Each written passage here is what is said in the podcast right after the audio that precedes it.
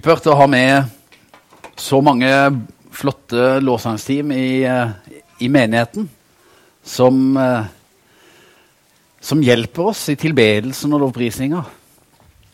Det er jeg veldig glad for. I dag så er det altså allhelgenssøndag.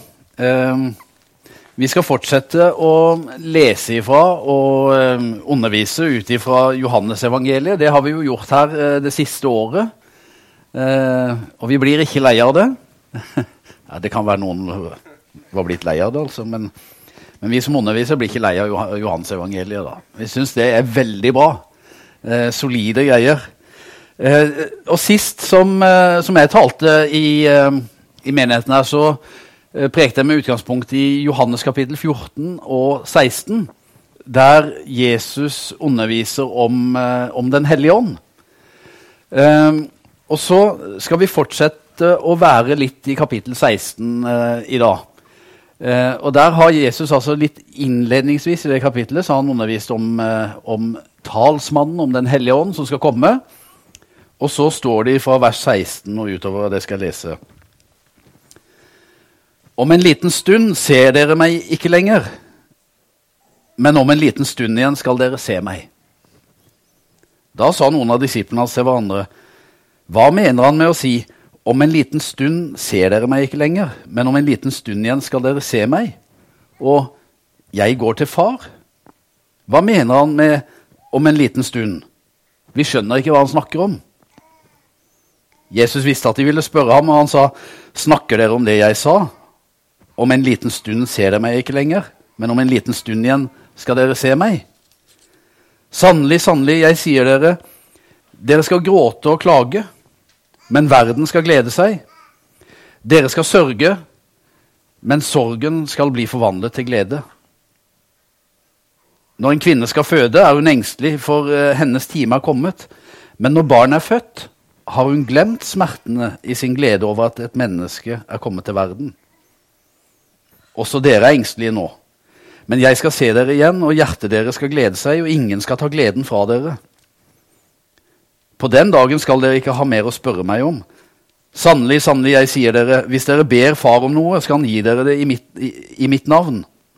Hittil har dere ikke bedt om noe i mitt navn. Be, og det skal få, så gleden deres kan være fullkommen. Dette har jeg sagt dere i lignelser det kommer en tid da jeg ikke skal tale i bilder, men åpent og rett fram fortelle dere om Far. Den dagen skal dere be i mitt navn. Jeg trenger ikke spørre Far for dere da. For Far selv elsker dere fordi dere har elsket meg og trodd at jeg er kommet fra Gud. Jeg er utgått fra Far og er kommet til verden. Jeg forlater verden igjen og går til Far. Disiplene hans sier, nå taler du rett fram og ikke i bilder. Nå forstår vi at du vet alt og ikke trenger at noen spør deg. Derfor tror vi at du er kommet fra Gud. Jesus svarte, tror dere nå? Det kommer en time, ja, den er nå, da dere skal bli spredt og gå hver til sitt og la meg bli igjen alene. Likevel er jeg ikke alene, for far er med meg. Dette har jeg sagt dere for at dere skal ha fred i meg. I verden har dere trengsler, men vær frimodige. Jeg har seiret over verden. Det var en litt lang tekst. Um, og den er jo veldig innholdsrik, så om vi kan klare å gå gjennom alle detaljer her, det er tvilsomt. Uh, men vi skal se på uh, noe av det som kommer fram i den bibelteksten. Jeg har undres litt på innimellom um, og spør meg sjøl uh, av og til Er livet egentlig bare et stort tapsprosjekt? Altså, Først så går jo alt framover. Og så etter en stund så kan det virke som at alt bare går i revers. Det er noen andre som har, nei, men Det kan jo være at jeg har bikka 40 da, som uh, liksom gjør det. Men likevel, vi blir født, og vi vokser opp, og vi blir litt større og vokser oss sterkere. og Vi lærer nye ting, og vi erfarer nye ting. Vi opplever nye ting, vi møter nye mennesker, blir, blir kjent med, med flere. liksom, og, og liksom Alt går i en sånn fin utvikling. Og så på et punkt så er det jo akkurat som at det der snur. Det er ikke like mye nytt å oppleve lenger. Vi blir ikke sterkere. Kan gå på spring om du vil, men du, det, det, hjelper liksom ikke så veldig. Kanskje blir vi litt større, men uh, sterkere blir du iallfall ikke. Og så, og så, går det liksom litt sånn der bakover. da, så Etter hvert så, så glemmer vi ting, og så, og så, og så mister vi kanskje venner. Og så mister vi kanskje noen kjære. Og så vet vi jo det at det, så er enden på visa egentlig at eh, til slutt så dør vi, da. Så går vi bort herfra. Det er som at når vi, når vi først har fått grep om alt, så, så glipper det. Til slutt kommer døden. Det er noe av det sikreste i livet, det. At vi en dag skal dø. Vi kan fornekte døden, men vi kan ikke unngå den. Alle mennesker vil før eller siden møte den. Eh, og noen av antagelig de fleste av oss har, har møtt den nå allerede eh, på en eller annen måte. Eh, med at noen kjære og nære gikk bort. Den vanlige reaksjonen når noen dør, er at vi opplever sorg. Eh, min første og største opplevelse av sorg, det var, eh, det var den gangen min morfar døde. Da var jeg tenåring, og det var, litt, det var ikke på denne tida av året, for det var på, eh, men det var en litt sånn type da, for han hadde vært ute og måka snø og, og, greier. Og så husker jeg det at jeg kom hjem fra skolen og gikk på videregående, og så fikk den beskjeden om at morfar var død. Og det var et hardt slag. Eh, og akkurat på den tida der så betydde han veldig mye for meg, fordi at jeg var hos han, eh, var hos han hver dag. Og det var jo én god grunn til det, for der fikk jeg snus. Eh, det gjorde jeg ikke hjemme. Men Og så var det hos han, og så så vi på nyheter og prata og alt mulig sånne ting. Og så sa han hysj, han måtte følge med på nyheten. da. Men eh, og så var, var, det en sånn fri, eh, friarena. Der hadde tre yngre søsken, så det var jo liksom eh, nydelig så stikke bort til, til mormor og morfar og så få være alene der. Men så ble han tatt bort, han. Og da kom sorgen. Eh, og den kom jo for mange, den. Mange som var rundt og opplevde sorg i den forbindelse. Og så vet jeg at mange av de kan ha hatt lignende opplevelser, og kanskje lignende opplevelser siste året. For ikke så lenge siden. Noen som var veldig nær deg, gikk bort. Og du kan oppleve det langt mer dramatisk og voldsomt enn det, enn det jeg gjorde når jeg mista min morfar. Og så vet vi det at det er ikke bare død som fører sorg med seg. Det kan òg være tap av andre ting. Vi kan tape helse. Altså vi blir sjuke. Det kan være relasjonsbrudd og skilsmisser som fører sorg med seg. Eller en kan miste jobben og kan få store økonomiske problemer. Eller en kan ha unger som sliter med å få seg venner. Eller noen har vært utsatt for overgrep. Eller det kan være drømmer som det ikke ble noe av men som var viktige for det. For noen kan det òg være en ting at uh, det var et kjæledyr som døde. Jeg så en venn av meg på Facebook nå siste veka, så hadde han mista Gaucho, da. Hunden som han har hatt i mange, mange år. Og han, han, han skrev er utrøstelig'. Det betydde så mye for han. Sorg kan vi oppleve på veldig mange ulike måter. Og nå for tida så opplever jeg og Det varierer og sterkt jeg kjenner på det opplever, opplever, det sånn, men jeg opplever sorg fordi at min pappa er blitt sjuk. Er alvorlig sjuk. Og det går liksom bare én vei med den sykdommen. Um, sorg møter oss på et eller annet tidspunkt. Og i den teksten som vi har vært i i Bibelen en stund nå, i Johannesevangeliet 16, men nå kapittel 14 og 15, så holder Jesus en avskjedstale til sine disipler. Og det han egentlig forbereder deg på, det er noe av livets harde realiteter. Gutter, det blir ikke bare enkelt.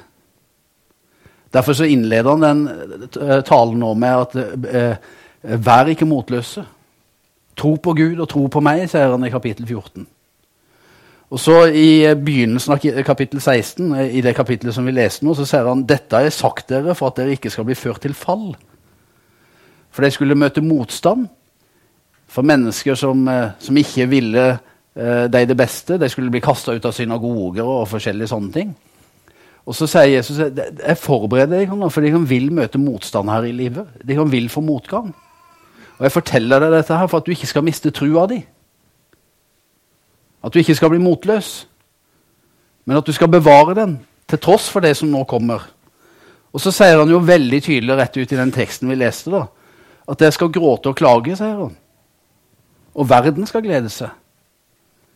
Og dere skal sørge. Men så ligger det også et håpsbudskap i det. da. Men sorgen skal forvandles eller vendes til glede. Men jeg tror at noe av det vi ofte trenger å få høre i kirkene våre og i menighetene våre, og som Jesu disipler stadig må minnes på nytt og på nytt igjennom, det handler om å få et korrigert gudsbilde. Um, jeg tror at Disiplene til Jesus de hadde ikke helt språk og referanser for dette Jesus snakka om når han begynte å fortelle om at han skulle lide og dø. For Messias i de sin forståelse skulle jo ikke lide og dø. Messias var jo en stor frelserkonge. En sånn seirende konge som skulle redde alle. Og han skulle iallfall ikke lide og dø. Og de hadde veldig vanskelig for oss å gripe den tingen der. Og Derfor så må Jesus han må forberede deg ekstra godt på det som nå skal komme. Og han vet samtidig mens han forbereder deg, at de kan skjønner det ikke nå. Og Han må si det opptil flere ganger. Du, 'Dette skjønner du ikke nå, men, men du vil skjønne det.'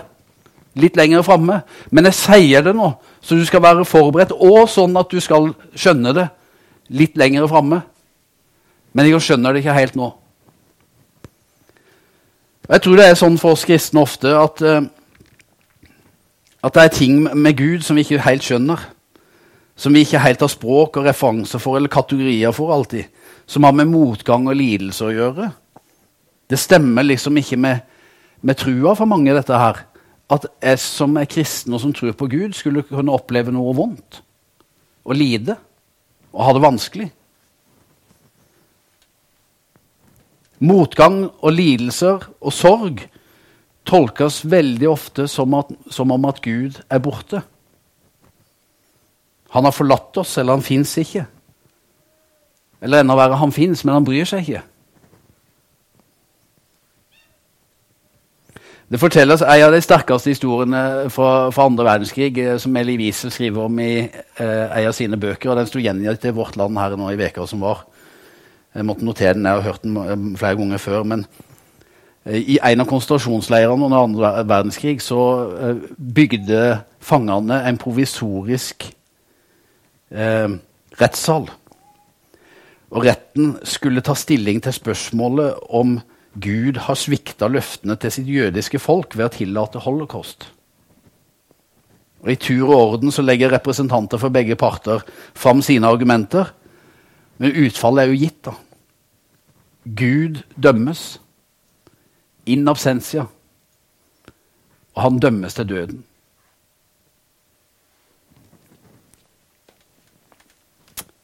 Uh, Jesu disipler skjønte ikke helt hva han snakka om. Og så når Jesus underviser litt lenger, så hørte vi ut i den teksten vi, vi, vi fikk lest, at uh, nå, nå, forstår vi at du kommer fra Gud og alt sånne ting. Og så sier Jesus egentlig Nja, forstår de ikke han egentlig nå? Nei, jeg tror ikke det.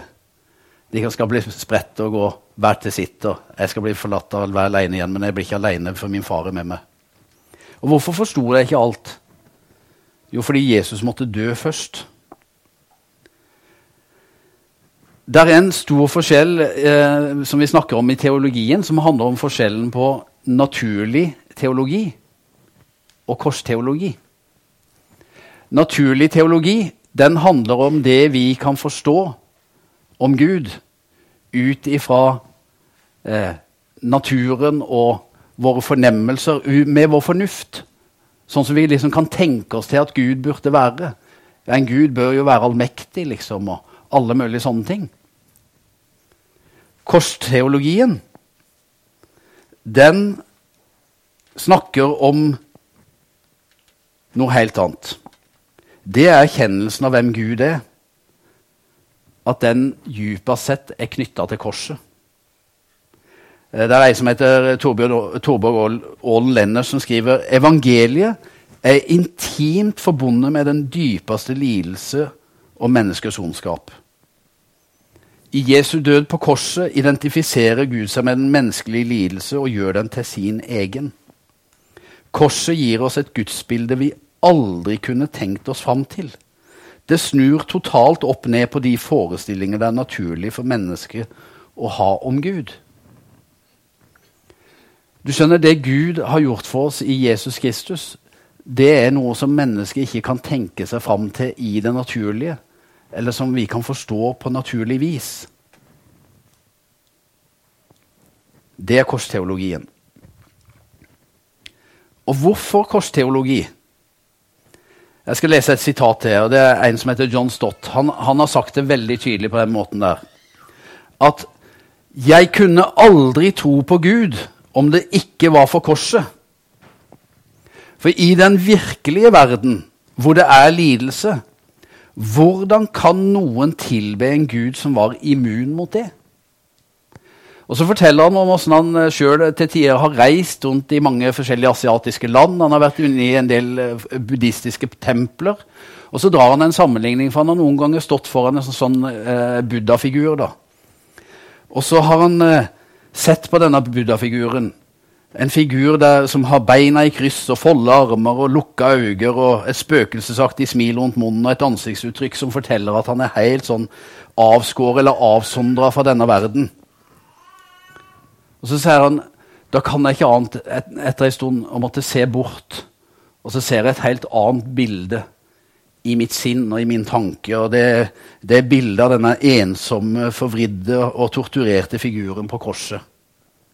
Med nagler gjennom hender og føtter, en opprevet rygg og i stykkerevne lemmer. Øyebryn som blør etter tornestikk, og en munn som er tørr og utholdelig tørst. Og han henger der forlatt, i stummende mørke. Og da sier jeg stått Det er min Gud. Han la til side, til side sin immunitet mot smerte, og han kom inn i vår verden av kjøtt og blod, tårer og død. Og han led for oss. Og så sier han med det Og Gud vet derfor hvordan vi har det. Og våre lidelser blir mer håndterbare i lys av det, sier stått. Det er dette Jesus egentlig snakker om i denne teksten. Han sier at om en liten stund ser de meg ikke, om en liten stund skal de se meg igjen. For den lille stunda som skulle gå, det var at han, om en liten stund så skulle han dø. Og så ble han borte for disiplene. Og de trodde seg nok både forlatt og overgitt til seg sjøl. Men så skulle de se Jesus igjen, for han skulle komme tilbake. Og da skulle gleden òg komme tilbake til de som trodde at de var forlatt og oppgitt, og alt var håpløst.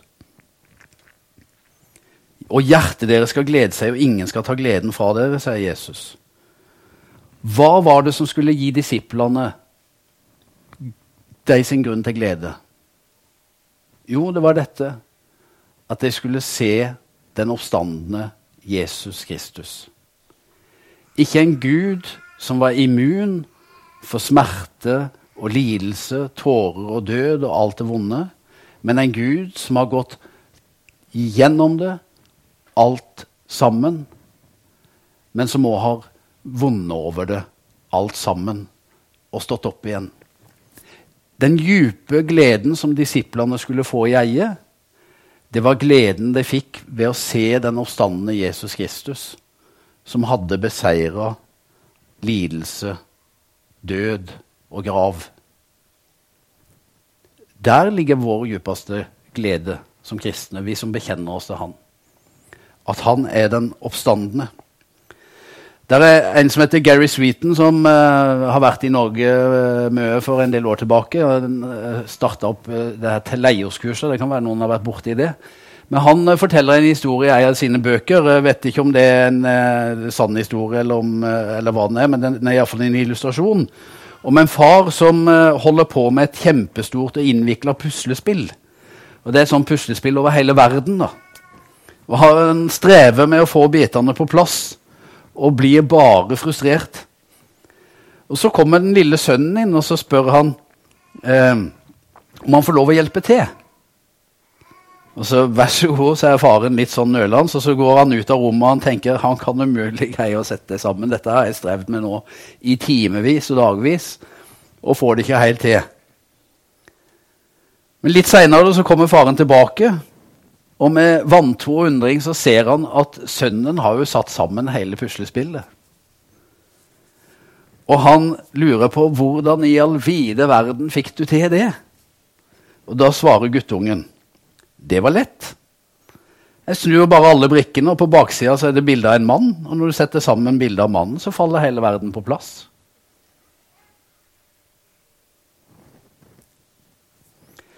Og Så bruker Sweet dette som et bilde på at vi får ikke alltid verden til å gå opp. Og vi får ikke alle puslebitene til å passe sammen eller henge sammen.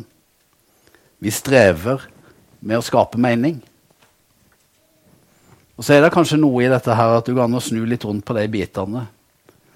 Og så finnes det et bilde på baksida av en mann og Jeg tenker om denne mannen nå at det var han som var delt opp i biter, og som vi har eh, tatt imot av her i dag, til minne om det han gjorde for oss. Men som, som ikke bare led på korset, og hans kropp ikke bare ble revet i stykker der, men han, han sto opp igjen. Han har overvant døden. Og så er det når vi ser bildet av den mannen, at bitene faller på plass. At alt dypest sett òg får sin mening. Og Jesus sier det til sine disipler at den dagen så skal dere ikke spørre meg om noe mer. For da skal dere forstå. Den dagen skal dere skjønne. Da skal dere skjønne det, hvem jeg er, og hva det jeg har gjort, og hva det betyr for deg. Og det er denne korsteologien som jeg har vært inne på eh, litt tidligere her. Og jeg tror, ut ifra det vi har lest i Johannes kapittel 16, at det som skjer etter at Jesus har stått opp igjen, det er at disiplene får et møte med den oppstandende. Og så kommer den oppstandende Kristus til dem, og så blåser han sin ånd innover dem. Og de får ta imot denne talsmannen, denne hjelperen som Jesus har sagt at jeg skulle få. Jesus har jo tidligere sagt sånne ting at det er det beste for dere at jeg går bort. Og Det er jo en sånn rar ting. Ja, det er veldig bra? liksom? Her har vi gått sammen med Jesus, han gjør veldig mye bra ting. Og så er det, det er jo det beste for dere at jeg går bort. Og så sier Jesus for hvis ikke jeg går bort, så kan ikke talsmannen komme til dere. Og så er det det som, det som skjer da etter at Jesus har dødd og han stått opp igjen. Da kommer, da kommer talsmannen til disiplene. og talsmannen er det beste for disiplene. Fordi uten talsmannen og uten Den hellige ånd så er ikke disiplene, så er ikke vi kristne i stand til helt å forstå hvem Jesus er, og hva det han har gjort for oss, og hva det egentlig betyr. Vi trenger det. For vi klarer oss ikke med naturlig teologi. Vi klarer oss ikke med det vi i vår fornuft og etter vår egen forstand kan tenke oss fram til. Og ikke minst i møte med motgang og lidelse og vanskeligheter her i livet, så klarer vi oss ikke med en sånn type teologi. Den teologien som holder da, det er den korsteologien som formidles til oss ved Den hellige ånd, og som Paulus også skriver om i 1. Korinterbrev kapittel 2. At det som ikke oppkom i noe menneskehjerte, det som ikke noe menneske har klart å tenke på, det har Gud åpenbart for oss ved sin ånd. Og det var det som også skjedde etter oppstandelsen, når eh, Ja, da går brannalarmen, ja. Takk skal du ha. Setter vi fyr på hele gudstjenesten her. Jeg hadde begynt å lukte litt, faktisk.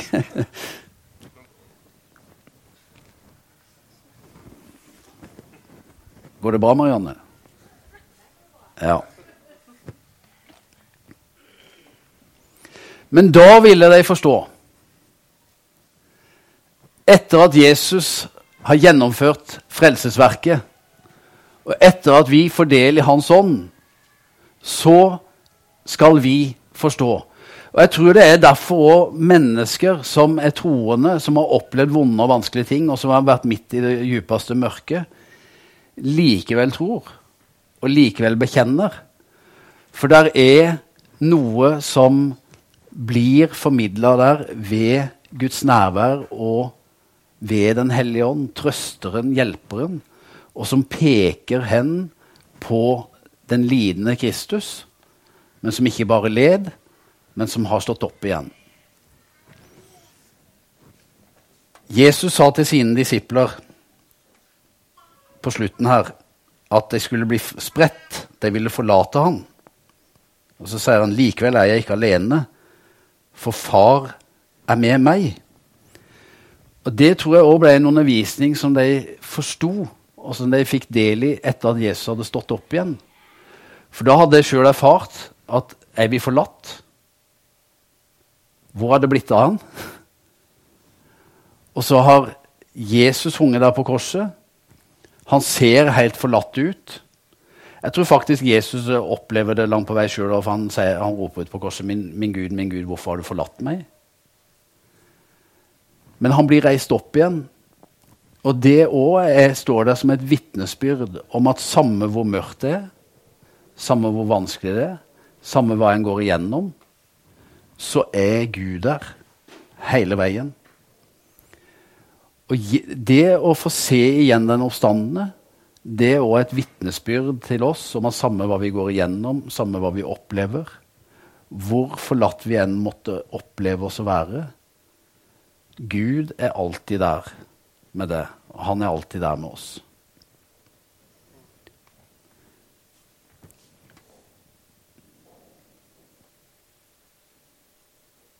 Skal vi be litt sammen?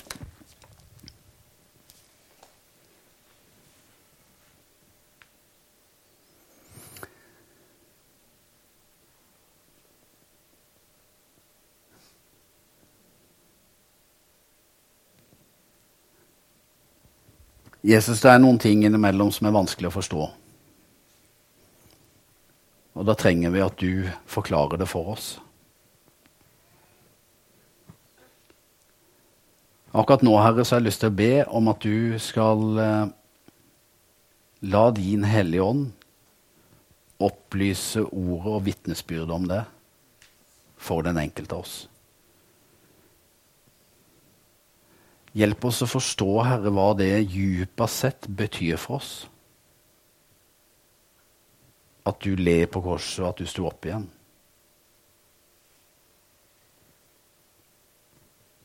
Og spesielt, Herre, så har jeg lyst til å be for deg som akkurat nå, akkurat i dag, opplever sorg, opplever motgang og vanskeligheter. De som lider.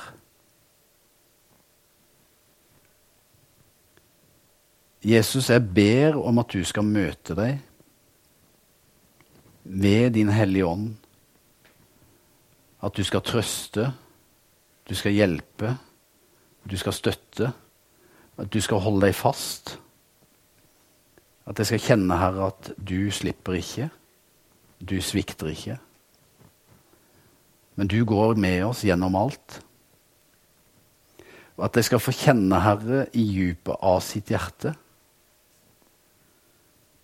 en glede som er lagt der ifra det, og som er gleden over å vite at du har overvunnet verden. I denne verden har vi trengsler, Herre. Men du har overvunnet verden. Og Derfor så kan vi ha fred i det og fred med det.